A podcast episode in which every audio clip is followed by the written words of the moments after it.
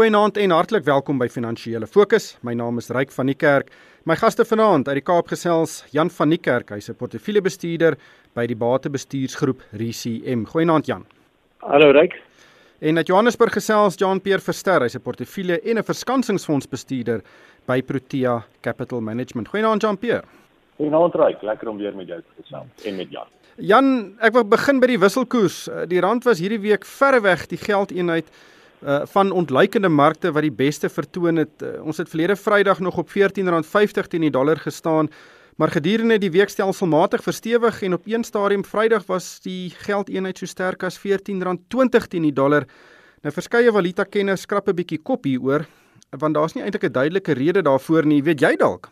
Nee, ongelukkig uh, het ek geen insigte nie, maar ek kan spekuleer oor 'n paar redes ryk. Ek dink die van die goed wat ou moet dophou is ons rentekoers in Suid-Afrika is redelik hoog as jy dit vergelyk met ander lande in die wêreld en dis gewoonlik 'n uh, item wat jou geldeenheid ondersteun. Ons weet ook dat palladium en platinumpryse het redelik toegeneem die afgelope tyd en dit kan wees dat daar weet van ons buitelandse valuta invloed is wat dit help en dan die derde punt is ek dink daar is 'n bietjie meer van 'n positiewe sentiment rondom die politieke situasie in Suid-Afrika wat besig is om te ontwikkel. Dit lyk asof die nasionale vervolgingsgeslag uh, uh, uiteindelik begin om mense in in hegtenis te neem in verband met korrupsie. So ek dink dit help op die sentiment gedeelte. So weet as, as ek moes raai, sou ek dink daai drie faktore almal help in dieselfde rigting.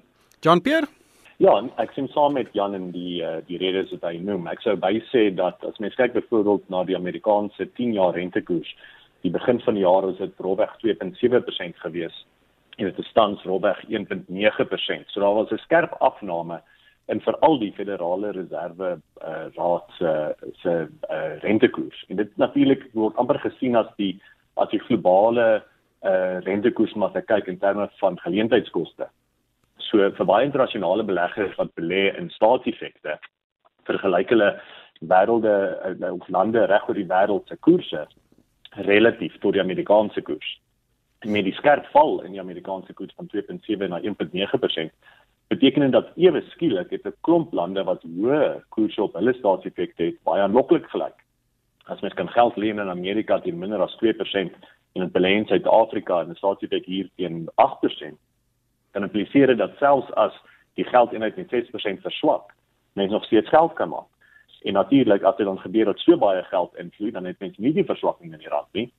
Ons is eintlik sterker vlakke vandag as wat ons was aan die begin van die jaar. Ons was rondweg uh, 1440 gewees teenoor nou is dit 1426. So dit wys weer eens dat as Suid-Afrikaners moet ons bietjie terug staan en globaal kyk wat in die res van die wêreld aangaan en veral wat in Amerika aangaan en daai geleentheidskoste wat jou Amerikaanse koerse beteken vir beide ander ontwikkelde lande as ook ontleikende markte. En in daai konteks lyk Suid-Afrika se staatseffekte amper soos die die skoonste veilhemp in globale markte. Nou die veilhemde is die ontleikende markte. Dis die lande soos Rusland, Turkye, Brasilië wat almal hulle eie probleme het. Maar relatief tot daai lande lyk Suid-Afrika glad nie sleg nie en daarom het ons dan invloeye gesien ons staatseffekte en uh, in globale terme baie klein uitvloeye gesien van daai staatseffekte wat wel tot die einde van hulle termyn gekom het en afgelos is. So dit tot 'n groot mate spekuleer ek ook is 'n rede vir die versterking van die rand sover hierdie jaar. Dis die sogenaamde drahandel. Dit is mense wat baie geld baie goedkoop leen in die buiteland en hier hoër rentekoerse kom soek in Suid-Afrika en dan met daai diferensiaal geld maak. En maar Jan, ek dink ook die rand is is, is swakker as wat baie mense dink. Daar's so baie negatiewe nuus reeds daarin ingeprys dat enige goeie nuus kan 'n wesenlike verstewiging meebring. Ja, Rick, ek dink dit is reg. Jy weet, een van die sake wat in die week uitgekom het is dat Fitch hulle kredietgradering vir Suid-Afrika onveranderd gelaat het. Ehm um, weet en dit speel maar aan dieselfde punt en dit sê dat daar is reeds soveel slegte nuus ingeprys nie net in die geldeenheid nie maar ook in ons rentekoers en ons staatseffekte nou waarna Jan Jean-Pierre nou verwys het. Uh dat selfs al het jy nie goeie nuus nie, al het jy net nie meer slegte nuus nie. Uh dan behoort dinge te verbeter op al daai fronte en ek dink dit speel alles in in dieselfde rigting. Ja, ek dink ons bly in 'n baie interessante land met baie interessante dinamikas. Maar Jean-Pierre kos gesels oor Fitch is 'n besluit. Uh, Fitch het besluit om ons gradering te handhaaf. Dis een kerf onder 'n beleggingsgradering of die sogenaamde rommelstatus. Ek het nie gedink dit is so negatief soos wat baie ander uh media groepe gedink het nie. Uh ons is nie beleggingsgraad met ons huidige fiskale posisie nie. So een kerf onder beleggingsgraad is seker nie te sleg nie, veral nie as hy konstant bly nie. Korrek, dit kon erger gewees het. Hulle kon ons verder in gemorstatus afgradeer het wat hulle nie gedoen het nie, maar hulle het 'n negatiewe uitkyk ook behou.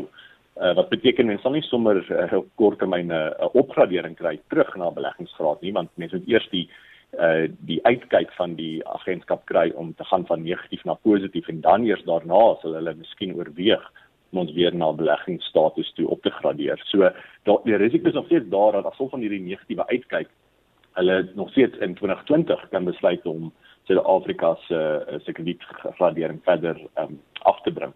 Maar uh, hulle kyk ook natuurlik vorentoe soos wat meeste beleggers en gebied uh, agentskappe doen.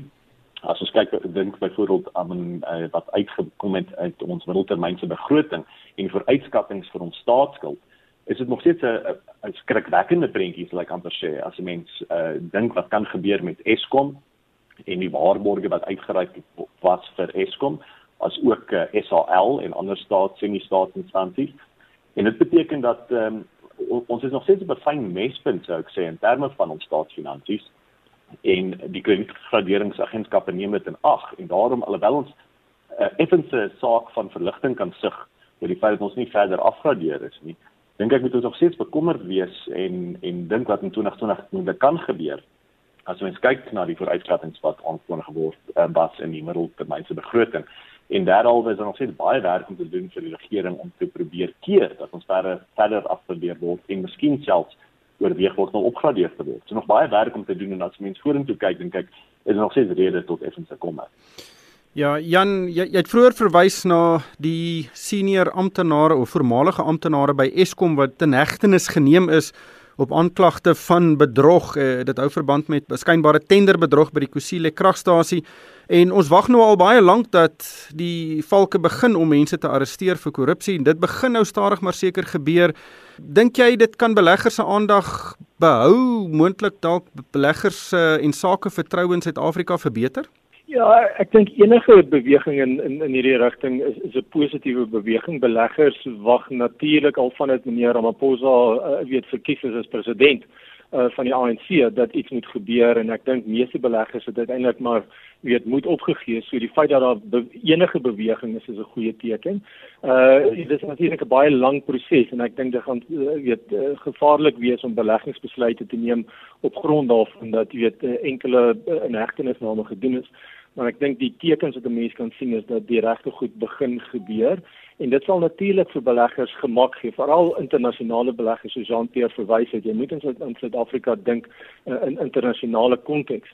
Uh so enige beweging in die regte rigting in die rigting van weet om wet, die wet sterker te maak en die toepassing van wette en om korrupsie te stop. Weet dit alles positiewe bewegings maar ek dink dit is nog 'n lang tyd voordat ons die die uiteinde hiervan gaan sien. John Pierre, daar was heelwat koöperatiewe nuus hierdie week, uh, interessant genoeg hier laat in die jaar en ek wil begin by Sasol. Sasol natuurlik het hierdie groot aanleg in Amerika. Dit is 'n aanleg wat vir hulle baie probleme gegee het, heelwat duurder gekos het en langer gevat het om klaar te maak en uh, dit het selfs gelei tot die twee uitvoerende hoofde wat in die pad gesteek is vroeër vanjaar. Maar die aandelepryse het die afgelope 7 dae met 15% gespring en dit volg nadat die maatskappy aangekondig het dat uh, dinge begin eintlik goed lyk by hierdie aanleg en dat uh, produksievlakke uh, vinniger styg as wat hulle gedink het. Wat het jy gemaak van van Sasol se vertoning?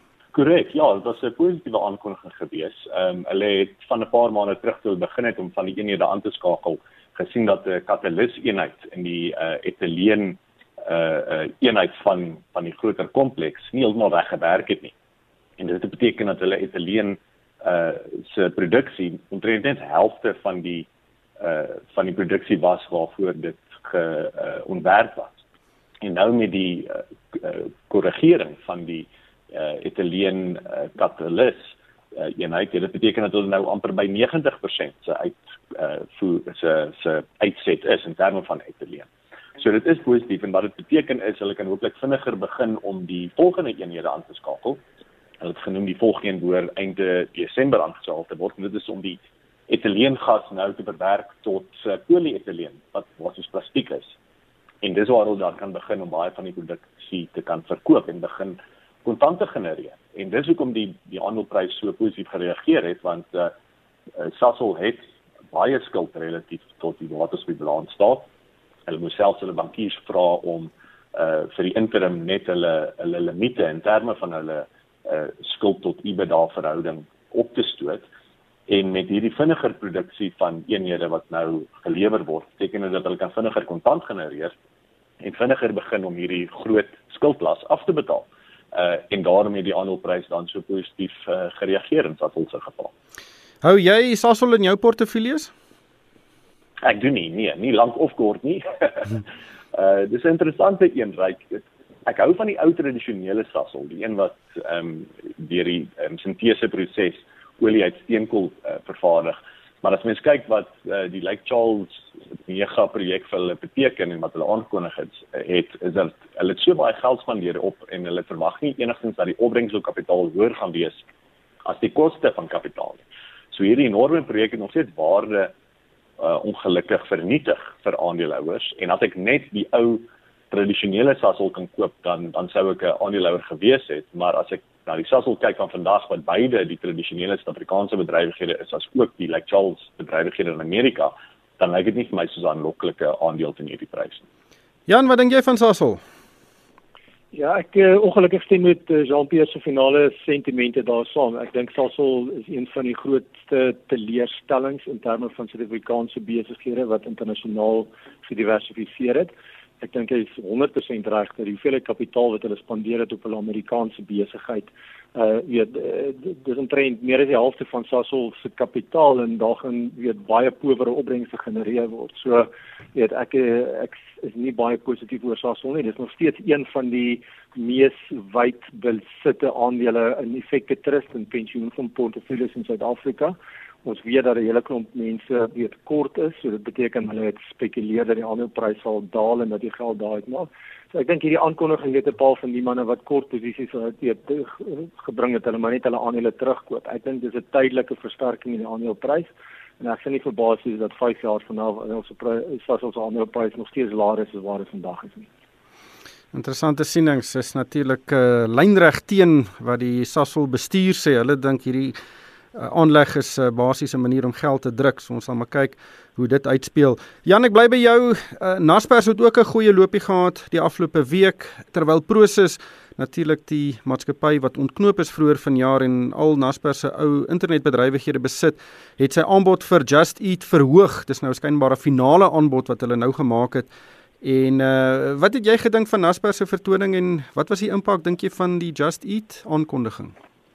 Ja, dit is interessant uh, dat uh, Prosus se aandeleprys uiteindelik bietjie gedaal of was uh, weet sywaarts terwyl Nasdaq se aandeleprys toegeneem het. So dit sê vir dat die internasionale beleggers wat hoofsaaklik net in Prosus belê, uh, is nie baie opgewonde oor die proses waar hulle nou weet uh, elke keer hulle kontant aanbod vir Just Eat verhoog nie. Weet uh, as jy die somme doen, die laaste aanbod is ergens in die orde van 102 miljard rand wat hulle wil betaal vir 'n uh, 'n maatskappy wat kos by mense se huis aflewer en wat nog nie naby daaraan is om enige winste te maak nie en Prosus erken dat hulle nog eers baie meer kapitaal in hierdie besigheid gaan moet belê om dit op die skaal te kry dat dit begin geld maak. So ehm um, weet ek dink internasionale beleggers is baie skepties oor die Prosus bestuur se ambisie daar.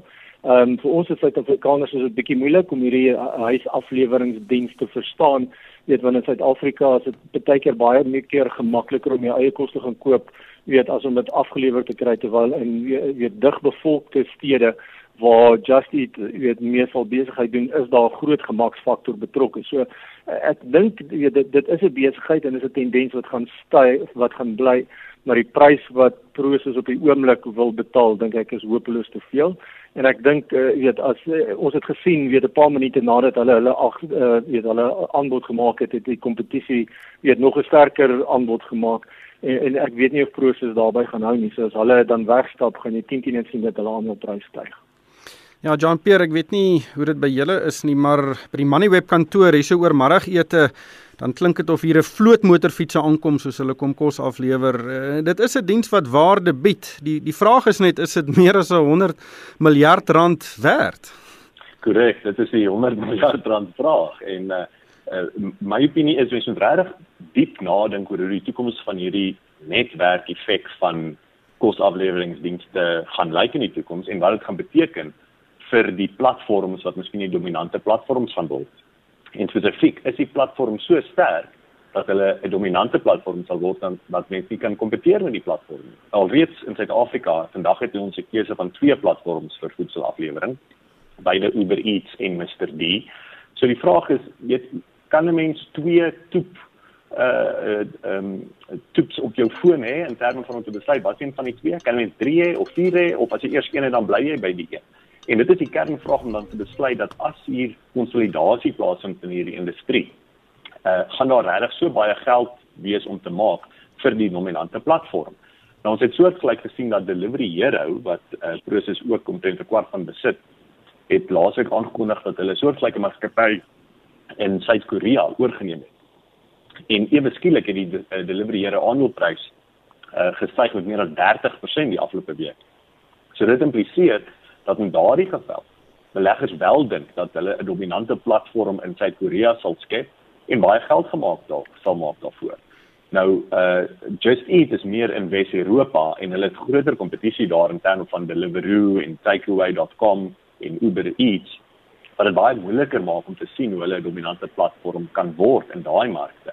So ek is ook skrikkerig vir hierdie 100 miljard rand wat potensieel kon spandeer word deur Prosus op Just Eat maar dit lyk asof takeaway.com wel die wenner gaan wees uit hierdie geveg vir Just Eat omdat hulle offer van 8 pence 30 meer is as Prosus se se se 8 ehm um, pond.